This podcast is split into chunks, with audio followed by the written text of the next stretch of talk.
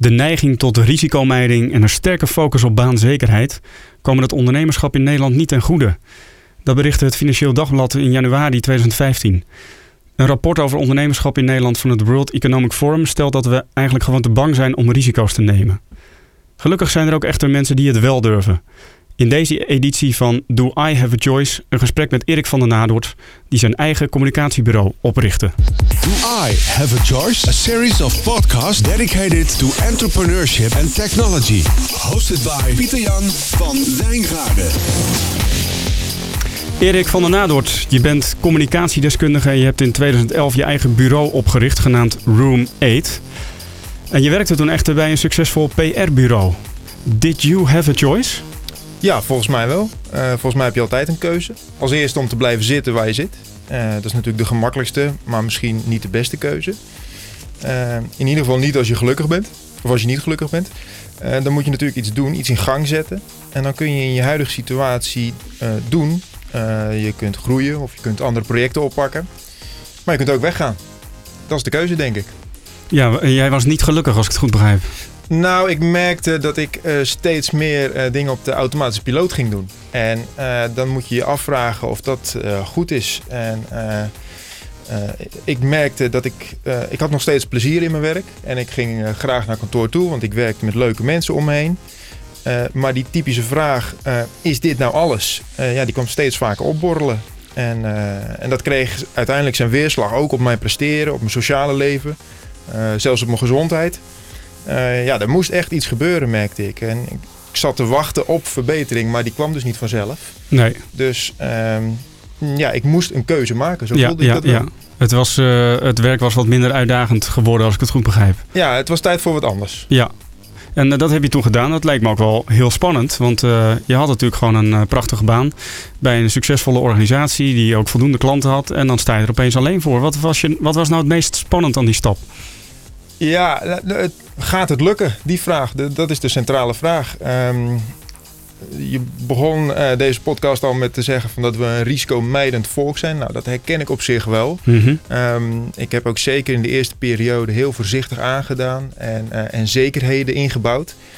Um, maar toch blijft dat de vraag van hoe lang blijft het goed gaan? Uh, je zag om me heen allemaal mensen die, die het ook probeerden, maar het niet redden. Um, ja, waarom ik dan wel? Dat soort vragen. Um, maar aan de andere kant, zodra het dan eenmaal blijkt te werken... en dat uh, blijkt ook lang door te gaan... En, en je verhaal slaat aan en de klanten zijn tevreden... ja, dat geeft een kick en, dat, en dan groeit het zelfvertrouwen ook. Ja, je bent inmiddels al een jaar of vier uh, zelfstandig ondernemer. Het is wel uh, bijzonder om te horen dat eigenlijk in jouw ondernemerschap... het inbouwen van zekerheden dus een, iets belangrijks is geweest. Terwijl je ondernemers ook kunt associëren met juist mensen die maar risico's nemen... en als het ware met oogkleppen op uh, initiatief nemen?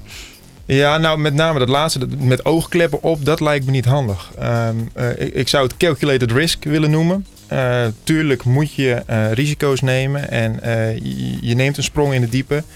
Um, maar als je dat um, omkleedt of aankleedt met ja, toch wat zekerheden en je bouwt op een gegeven moment een buffer op en je, je koopt niet direct die hele dure auto en je, je keert niet direct een heel groot salaris uit, maar je doet dat heel langzaam. Ja, tenminste, zo heb ik het gedaan en dat, dat was voor mij een goede manier. En daar heb ik aan gemerkt van oké, het gaat steeds beter. Ik, ik, ik kan bijvoorbeeld meer salaris op een gegeven moment aan mezelf overmaken. Um, ja, en dat is een heel prettig gevoel. En dan op die manier ervaar je ook niet dat je heel veel risico loopt. Nee, calculated risks. Uh, dat is wel een hele mooie term. Erik, als je terugkijkt um, op die periode vanaf 2011. Um, wat zijn nou voor jou de, nou, laten we zeggen, de drie belangrijkste dingen die jou hebben geholpen in jouw ondernemerschap? Nou, als eerste is dat uh, de ruimte die ik heb gekregen om te ondernemen. En met ruimte bedoel ik zowel in mijn thuissituatie, in mijn sociale situatie, als in mijn werkende leven. Ik heb nog steeds trouwens zeer goed contact met mijn vorige werkgever. We doen af en toe projecten samen zelfs. Um, maar daar vandaan kreeg ik ook de ruimte om dingen gaan op te zetten en, en dingen te gaan ontdekken. En, dus ik heb, ben eigenlijk langzaam uitgefaseerd in de positieve zin van het woord. Um, ik heb langzaam kunnen bouwen aan mijn eigen bedrijf. En, en die overgang is eigenlijk heel soepel gegaan. maar ook thuis, ehm, ja, het, het, is opeens heel anders als, als, als, de man des huizes niet meer van 9 tot 5 op een kantoor zit, maar ook thuis op de zolderkamer zit. Uh, maar gelukkig heb ik daar heel veel begrip voor gekregen. En, uh, en ook als ik uh, op de meest rare tijdstip dingen moest gaan doen voor mijn bedrijf, dan werd er bijgesprongen door mensen uit mijn omgeving. bijvoorbeeld in de oppas van de kinderen. Ja. Zo heel praktisch moet je het dan wel zien. Um, dus dat is, dat is het eerste punt. Tweede... Dus je had een omgeving die om je heen stond als het ware. En, uh, en, en, en die er ook achter stond. Zowel je oud-werkgever als ook je Klopt. thuisfront. Klopt, ja. Het werd echt, uh, die ruimte die, die werd echt gefaciliteerd. En dat, uh, dat is erg fijn om te ervaren. Ja. Um, nou, het tweede punt is leren van anderen. Ik, um, ik ben begonnen op, op de zolderkamer. maar inmiddels zit ik op een kantoor met, met een aantal andere zelfstandige ondernemers. En dat was als eerste puur voor de gezelligheid bedoeld. Maar we merkten eigenlijk allemaal na een paar weken al dat we gewoon samen projecten zaten te doen. Ja. En dat komt uh, simpelweg omdat je uh, ten eerste samen aan de lunchtafel zit en, uh, en ervaringen deelt. En dus ook hoort van hoe andere mensen het doen. En aan de andere kant hoor je waar mensen mee bezig zijn. En, en je denkt veel sneller aan elkaar. En van hé, hey, dat, dat kunnen we samen gaan oppakken. Um, ik merk ook dat ondernemers het heel erg leuk vinden om hun ervaringen te delen.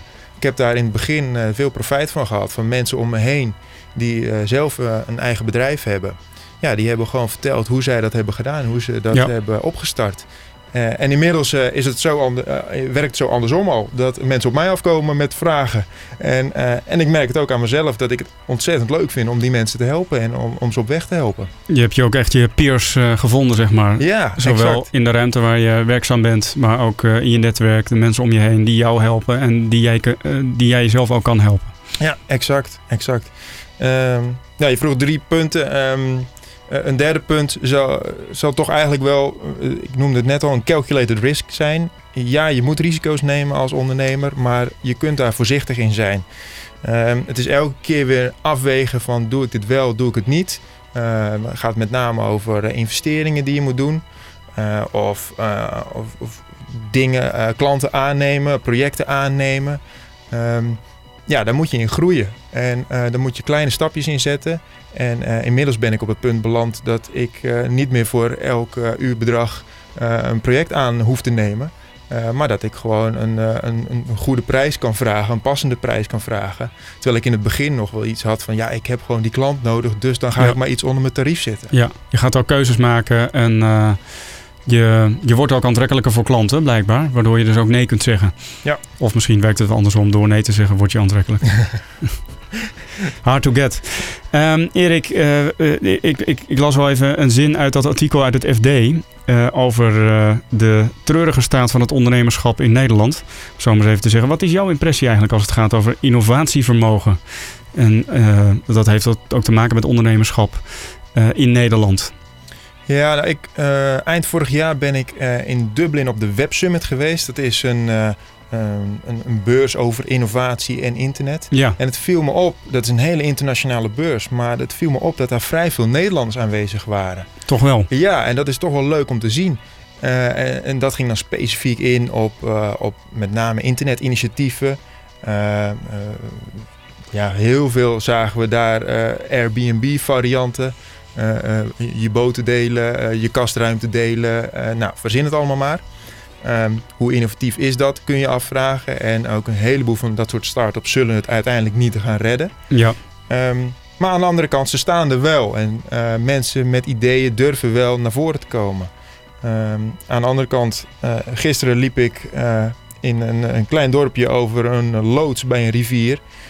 waar een man of twintig werken, een familiebedrijf dat al jaren bestaat. En, uh, en, niemand kent ze, maar ze zijn wereldleider met een zeer innovatief ponton dat ze zelf hebben bedacht. Ja, ja je verzint het niet, nee. je, je, hoort er niks over. Maar het geeft wel aan dat Nederland op verschillende fronten heel actief is en ook zeker wel innovaties doorvoert. Ja, dus je bent wat positiever gestemd uh, dan uh, het World Economic Forum, als ik het goed begrijp. Ja, het innovatievermogen is er wel degelijk en het komt er ook wel uit. Um, maar ik geloof aan de andere kant ook wel in golfbewegingen. We lopen af en toe voorop. Uh, je zag dat uh, een tweetal jaar geleden in de gaming-industrie. Uh, daar werd toen heel veel over geschreven en gezegd. Dat ja. Nederland daar echt voorloper in was. Volgens mij zijn we het nog steeds, maar je hoort het gewoon wat minder. Uh, en misschien is het ook wel nu even niet ons momentum. Maar vinden wij uh, op een gegeven moment toch alweer een technologie of een innovatie. Uh, waarbij we ook gewoon Nederland weer internationaal op de kaart zetten. Ja, en Erik, tenslotte, um, het blijkt dat Nederlanders zich ook binnen organisaties eigenlijk weinig ondernemend opstellen. Uh, als zelfstandig ondernemer, heb jij nou tips voor mensen die binnen organisaties werken om zich wat meer, wat meer regie te nemen over, eigen, over hun eigen werk, om zich wat ondernemender op te stellen? Nou, een bekend voorbeeld is uh, van hoe Google te werk ging met het uh, 70-20-10 model. Mm -hmm. Waarbij uh, medewerkers 70% van hun tijd aan Google moesten besteden, 20% aan gerelateerde projecten en 10% aan iets wat totaal niks met Google te maken hoefde te hebben. Um, daar zijn ze inmiddels een beetje van teruggekomen. Maar ik geloof wel in dat soort modellen dat, het is al eerder gezegd, uh, ruimte wordt gecreëerd uh, voor mensen om andere dingen te doen dan hun specifieke takenpakket. Uh, dat je de ruimte krijgt om om je heen te kijken, nieuwe projecten op te pakken. Praktisch voorbeeld, ik ben nu naast mijn bezigheden als communicatieadviseur ben ik ook producttester geworden. Ik heb samen met een aantal anderen een, een site gestart, de testhut.nl, waarbij we gewoon allerhande producten testen. Ja, dat is iets wat ik uh, nooit naast mijn vaste baan had kunnen doen, omdat dat gewoon veel te veel tijd in beslag zou nemen. Ja. En nu heb ik die ruimte. Ja. Dus de testhut.nl is voor jou eigenlijk een uh, manier om de, aandacht te besteden aan die 10% van dingen die echt los van je werk staan. Ja, dat is wel een typisch 10% voorbeeld. En uh, een ander tip die ik nog wel wil geven is um, dat je inderdaad ook samenwerkingen mogelijk moet maken. Uh, zelfs als zelfstandig ondernemer sta je er zeker niet alleen voor. Uh, zoek ook mensen op. blijf inderdaad niet op die zolderkamer of in die tuinkamer zitten. Maar ik ben zelf niet eens zo'n zo'n hele goede netwerker. Maar door om je heen te kijken en door contacten aan te gaan en contacten te leggen en verbindingen te leggen. Um, ja, merk je dat je, uh, dat je veel meer kunt. En dan uh, ook al staat alleen jouw naam uh, op het Kamer van Koophandel uit Drexel. Um, ja, het hoeft niet te betekenen dat jij ook de enige bent die alle werkzaamheden hoeft te doen. Juist niet. Je bent niet alleen op de wereld. Nee, zeker nee. niet. Dus het gaat over ruimte creëren, ruimte geven, ruimte krijgen. En aan de andere kant onderdeel zijn van een netwerk. Ja, de verbindingen leggen, zeker. Erik van der Nadoort, communicatiedeskundige en eigenaar van Room 8. Hartelijk dank voor het delen van jouw ervaringen en gedachten over persoonlijk ondernemerschap. Graag gedaan. Do I Have a Choice? A series of podcasts dedicated to entrepreneurship and technology. Hosted by Pieter Jan van Wijngaarden.